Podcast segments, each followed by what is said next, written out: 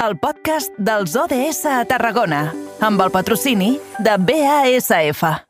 The United Nations is an organization with goals of peace and sustainable development around the world. Their mission is huge, but we're breaking it down in two minutes. 17 sustainable... Moment amb aquesta sintonia que ja ens acompanya d'aturar-nos als estudis de BX Ràdio. Allí tenim el nostre company, en Jonai González. Jonai, bona tarda, bon dimarts. Bona tarda, bon dimarts, Edu. Escolta, avui has hagut calçar les botes d'aigua eh, per aigua o i, impermeable, o no, o t'has mullat. Eh, he arribat empapat. Acostumo a dinar amb, amb, a casa de l'Eric i hem arribat els dos. Mm, bueno, no, no ho diré perquè la roba gairebé per llançar ja. Mare de Déu, mare de Déu. Uh, són conseqüències també d'aquests grans temporals uh, que cada cop són més freqüents, conseqüència també del canvi climàtic. Per tant, uh, motiu de més per incidir en aquests objectius de desenvolupament sostenible, aquesta Agenda 2030 de les Nacions Unides que uh, és un dels puntals de la temporada al carrer Major de les emissores de la xarxa al Camp de Tarragona. Escolta, avui, Jonai, mirarem al cel. Sí, mirarem al cel. La setmana passada coneixíem aquesta notícia de la Generalitat que donava la consellera Jordà que presentava aquesta ampliació fins a 32 municipis de l'àrea de protecció envers la contaminació lumínica del Parc Natural del Montsant. Entre ells s'inclou Falset i així també la comarca del Priorat, que és l'única a tota Catalunya que ha apostat en la seva totalitat per un projecte de protecció envers la contaminació lumínica i és per això que avui hem volgut parlar i hem convidat a Aleix Roig, coordinador de continguts del Parc Astronòmic de Prades. Molt bona tarda. Hola, molt bona tarda. Bé, primer de tot, eh, aquesta ampliació de la Generalitat, sumem 20 nous municipis als 12 inicials. Què suposa aquesta ampliació per vosaltres? Doncs bé, a veure, es tracta de l'àrea de cels foscos protegida per llei més gran d'Europa, de, al voltant d'un parc natural. Per tant, d'entrada dir que a Catalunya seguim sent, i ara més que mai, pioners en la protecció del cel fosc. Per tant, és un revulsiu brutal eh, per tot el territori per seguir apostant doncs, justament per la preservació d'aquest valor natural. I en paral·lel doncs, d'aquesta aprovació que s'ha fet per llei, no? aquesta llei catalana, també la destinació turística Starlight, que després d'uns anys de treball amb, amb el Parc Natural de la Serra de Montsant, l'Ajuntament de Prades i tots els municipis d'aquestes quatre comarques, doncs, eh, Diputació de Tarragona també, val a dir, Generalitat de Catalunya, doncs hem fet realitat aquest, aquest projecte de, de destinació turística Starlight, acreditant aquests excel·lents valors de, de foscor i de possibilitat també de, de gaudir d'activitats d'astronomia per tots els públics. Suposo que també heu rebut aquesta notícia amb, molt, molt feliços, no? I entenc que vosaltres també podeu treballar a partir d'aquí amb, amb millor a l'hora d'observar l'espai. Bueno, és que més que haver-la rebut, és que ens l'hem treballat des de zero. Al final, eh, des del Parc Astronòmic de Prades, Ajuntament de Prades Parc Natural, som els impulsors de tota aquesta certificació. Per tant, ho veus com una culminació d'un treball fet de, de molts anys ja vam començar a parlar, l'any 2016 de tot plegat i fixa't, han passat 5 anys i la feina feta ja a poc a poc al final té la seva recompensa.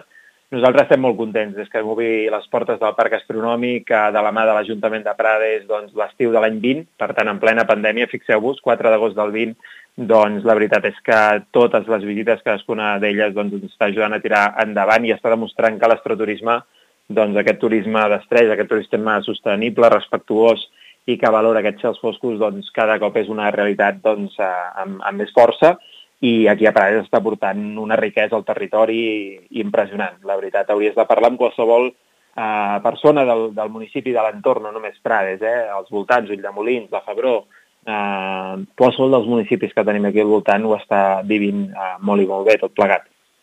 Mm. Aleix, ens hem, ens hem d'imaginar que de mica en mica cada cop hi haurà més eh, territoris que se sumaran en aquesta eh, protecció del, del, del cel, en aquests eh, canvis de lluminàries que cada cop són més eficients i alhora eh, també cada cop eh, menys llencen eh, cap on no han de llançar aquesta, aquesta llum? Doncs tant de bo, tant de bo. La veritat és que la voluntat d'aquestes zones protegides de cel fosc no és només protegir les zones amb uns excel·lents valors de, de foscor, com és el cas d'aquí, de, de Prades i tot l'entorn de Montsant, sinó fer-ho extensiu, perquè no anar a l'Espluga, a Montblanc, baixar cap a Cambrils, cap a Reus, perquè al final eh, el dret a una vida saludable crec que és de tota la ciutadania, no? O sigui, jo crec que poder viure en un entorn respectuós amb la nostra salut, que és que és l'afectació que tenim, eh, la salut humana, la primera, doncs penso que és un dret de tothom. Per això ja eh, estem impulsant, eh, donem tot el suport a l'ODS 18, eh, l'Objectiu de Desenvolupament Sostenible 18, que si tot va bé doncs, serà aquesta qualitat del cel nocturn i accés a la llum de les estrelles.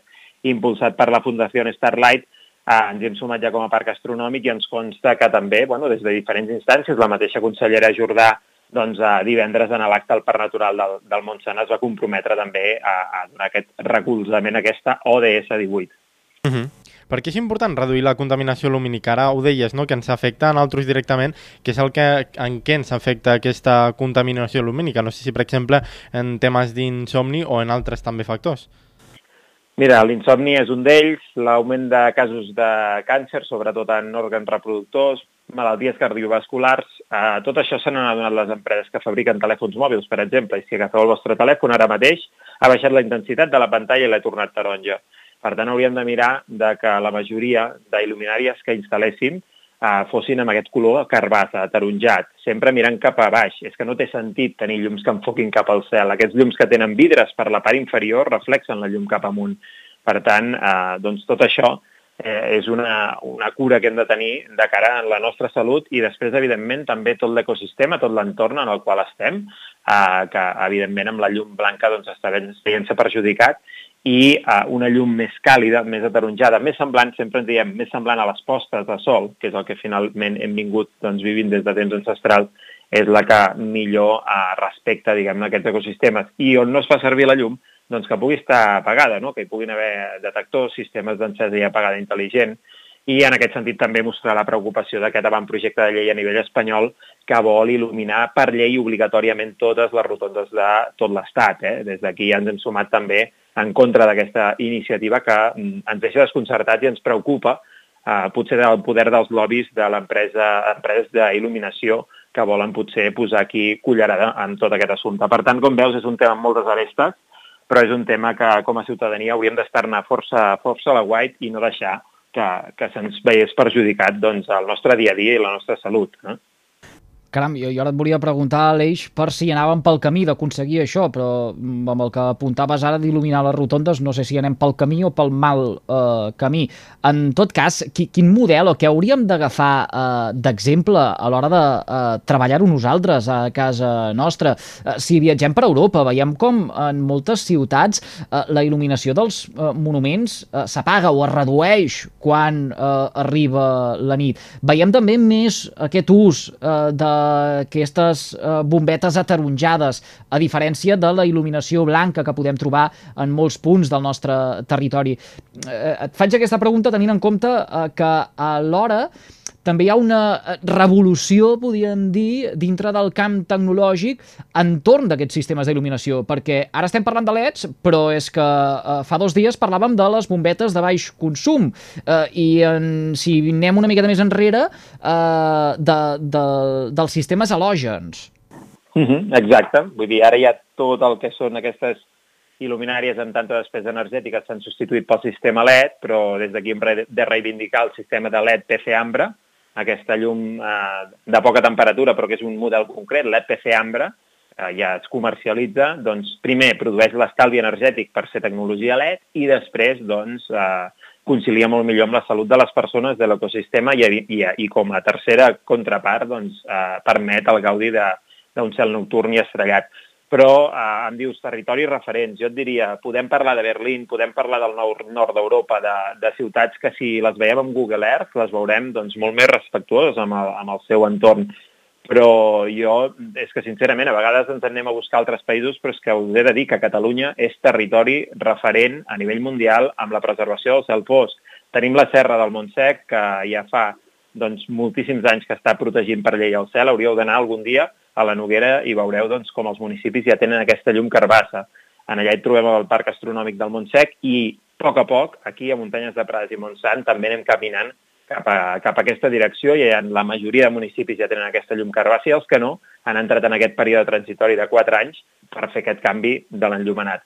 Com a cosa destacable, a Catalunya tenim el Servei per la Prevenció de la Contaminació Lumínica, que, que depèn del Departament d'Agricultura, per tant, això ja és un bon indicador, no? que tinguem tècnics especialitzats amb justament acompanyar a, a aquests municipis que al final és a, a nivell municipal eh, sota qui recau doncs, tota aquesta modificació de l'enllumenat públic. I doncs, aquí jo penso que al territori, aquí a Tarragona estem fent molt bona feina, començant per Prades i acabant per, per l'últim municipi del Priorat que ens hem unit per, per protegir aquesta foscor. Parlaves ara també d'aquest ODS 18, eh, hem parlat una mica de les afectacions que té sobre nosaltres aquesta contaminació lumínica. Suposo que també afecta a la natura, als ecosistemes. De, de quina forma afecta? Sí, més del 50% dels mamífers tenen activitat nocturna, per tant, si il·luminem la nit, els impedim doncs, que facin part del seu cicle, ja sigui bé com a predadors o bé per fugir com a preses. No? Uh, hi ha multitud de, de flors, per exemple, que tenen uh, una part del seu cicle nocturn i a través de papallones doncs, que les polinitzen doncs, han de fer aquesta activitat. Les papallones ja ho sabeu que quan hi ha la llum blanca hi van uh, absolutament atretes i per tant estem alterant tots aquests cicles. I l'exemple potser més paradigmàtic, no? les cuques de llum que s'han perdut a la ciutat, no són animals que en el seu cicle reproductor doncs, es comuniquen amb impulsos de llum. Si tu tens un soroll lumínic de fons, i ho podríem dir així, eh? Uh, com si estiguéssim en una discoteca i no poguéssim parlar, doncs elles no es poden comunicar justament en entorns contaminats lumínicament, com és tot el Camp de Tarragona, per cert. Doncs bé, uh, en tot cas hem d'anar recuperant aquests entorns eh, que siguin més conciliables amb, amb, tota, amb tota aquesta biodiversitat i és que no oblidem que estem als peus d'un parc natural que és el de la Serra de Montsant i esperem ben aviat un segon parc natural que serà el de les muntanyes de Prades. Per tant, doncs bé, tot això eh, penso que a nivell de consciència de la ciutadania ho hem de tenir ben en compte. Mhm. Teniu la sensació de que tots aquests inconvenients de la contaminació lumínica eh, són prou coneguts? No sé, em dóna la sensació, a mi per, per exemple, eh, de que potser pensem en això, en l'insomni, potser no sabem gaire les afectacions que té, que té sobre la natura i, i aquestes afectacions de, del càncer. No sé si és una de les traves que us trobàveu al principi que la gent eh, pensava i per què hem de fer això si potser només és per veure estels, per així dir-ho, eh? Sí, sí. No, no, sempre ho hem dit. Al final, el de veure estels eh, és la tercera de les derivades. La primera és un tema de salut humana, juntament amb la segona, que és eh, la preservació de tot l'entorn natural, i en tot cas l'última contrapart seria la de l'observació astronòmica. Evidentment hi ha desconeixement, com també, i m'agrada posar aquest exemple, fa doncs, 70 anys hi havia desconeixement amb la contaminació per partícules de, en suspensió i la gent sortia a córrer alegrement per la Diagonal de Barcelona empassant-se els fums dels cotxes, de les vespes, dels 600, no?, que contaminaven doncs, alegrement. A 70 anys més tard posem TV3 a la nit i a l'espai del temps veiem les partícules en suspensió eh, en parts per milió a cada ciutat, no? I ens alarmem quan veiem que cada any estan creixent, no? Per tant, estem en ciutats més contaminades a, a, per partícules a, en suspensió.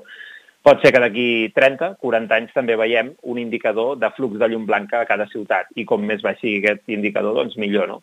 Doncs segurament ens trobem en aquest cas, ens trobem en el cas de que encara no hi ha una consciència de que això és un vector de contaminació, però ho és i molt, i, i des mhm. d'aquí, doncs, i gràcies també per posar aquest altaveu per poder-ho explicar i compartir. Aleix, parlem dels ODS, parlem dels 17 objectius eh, de desenvolupament sostenible els que planteja l'Agenda 2030 de les Nacions Unides, amb aquesta fita d'aconseguir-los eh, el 2030. En aquest cas, amb un objectiu de desenvolupament sostenible que no figura entre aquesta agenda de l'Assemblea de les Nacions Unides, el 18, que anomenàvem ara tot just fa una estoneta, eh, quan s'hauria de poder complir? Doncs em consta que aquesta setmana hi ha, hi ha reunions justament per parlar d'això. La, la directora de la Fundació Starlight, la doctora Antònia Varela, doncs està reunida justament per, per poder tractar aquest tema. No et podria donar més detalls, en tot cas sí que us emplaçaria, si en teniu més interès, poder parlar directament amb, amb ella, que doncs, justament la Fundació Starlight és una de les impulsores d'aquesta iniciativa però, però bé, esperem que, que es pugui aconseguir i que, i que no haguem de, de seguir no? renunciant a aquest, a aquest dret de, de viure en uns entorns eh, més saludables, lumínicament, i també aquest dret de l'observació del cel estrellat, eh? perquè al final el contacte amb la natura també passa per aquest contacte doncs, amb, amb la llum de les estrelles. Aleix, si, si avui mm, eh, guaitem el cel, veurem alguna cosa o aquest temporal que travessa i que, déu nhi de les precipitacions i, i de totes les incidències que està deixant el territori ens impedirà de veure les estrelles? Evidentment, avui el que hem de fer és estar a casa, seguir les indicacions dels serveis de, de seguretat, d'emergències, perquè són dies eh, perillosos, són dies perillosos. Tot això també són derivades de, de tot aquest canvi climàtic en el qual estem immersos i ens en trobarem més d'episodis com aquests, cada vegada més, si no prenem eh, mesures eh, amb, amb, amb urgència per eh, tot això frenar-ho en la mesura del possible. Per tant, avui és un dia de, de reflexió, és un dia d'estar tristos, perquè eh, sembla ser que bueno, eh, tot, el, tot el que s'ha passat a Glasgow pot quedar en paper mullat si no en prenem mesures determinades. Per tant, què veurem avui? Avui veurem doncs, eh, que, que hem de prendre aquesta consciència, però en tot cas, quan passi aquest temporal, ens venen dies de pluges d'estrelles i al desembre tenim, tenim doncs, el, la pluja d'estrelles més important de, més important de l'any, que és el Geminids, i, eh, de fet, les conegudes llàgrimes de Sant Llorenç estarien en el tercer lloc del rànquing, o sigui que al desembre tindrem la més important i l'observarem des d'aquí, des del Parc Astronòmic de Prades, en el qual ja us convidem a venir a assistir a alguna de les sessions al planetari, a, a la zona d'observatori, que és el Mirador Astronòmic de Sant Roc, i deixar-vos acompanyar pels nostres guies que us faran viure doncs, aquesta pluja d'estels de forma fantàstica, una bona manera també d'acomiadar l'any.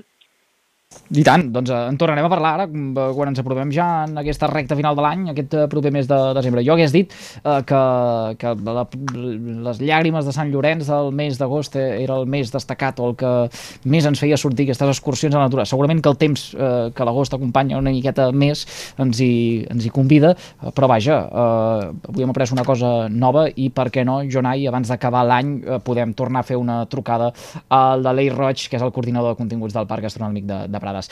Aleix, moltíssimes gràcies una vegada més per acceptar la trucada del programa. És sempre un plaer poder-te escoltar i aprendre tantíssim. Molt bé, moltes gràcies a vosaltres i enhorabona per la feina que feu. Gràcies. Gràcies, que vagi molt bé. Bona tarda.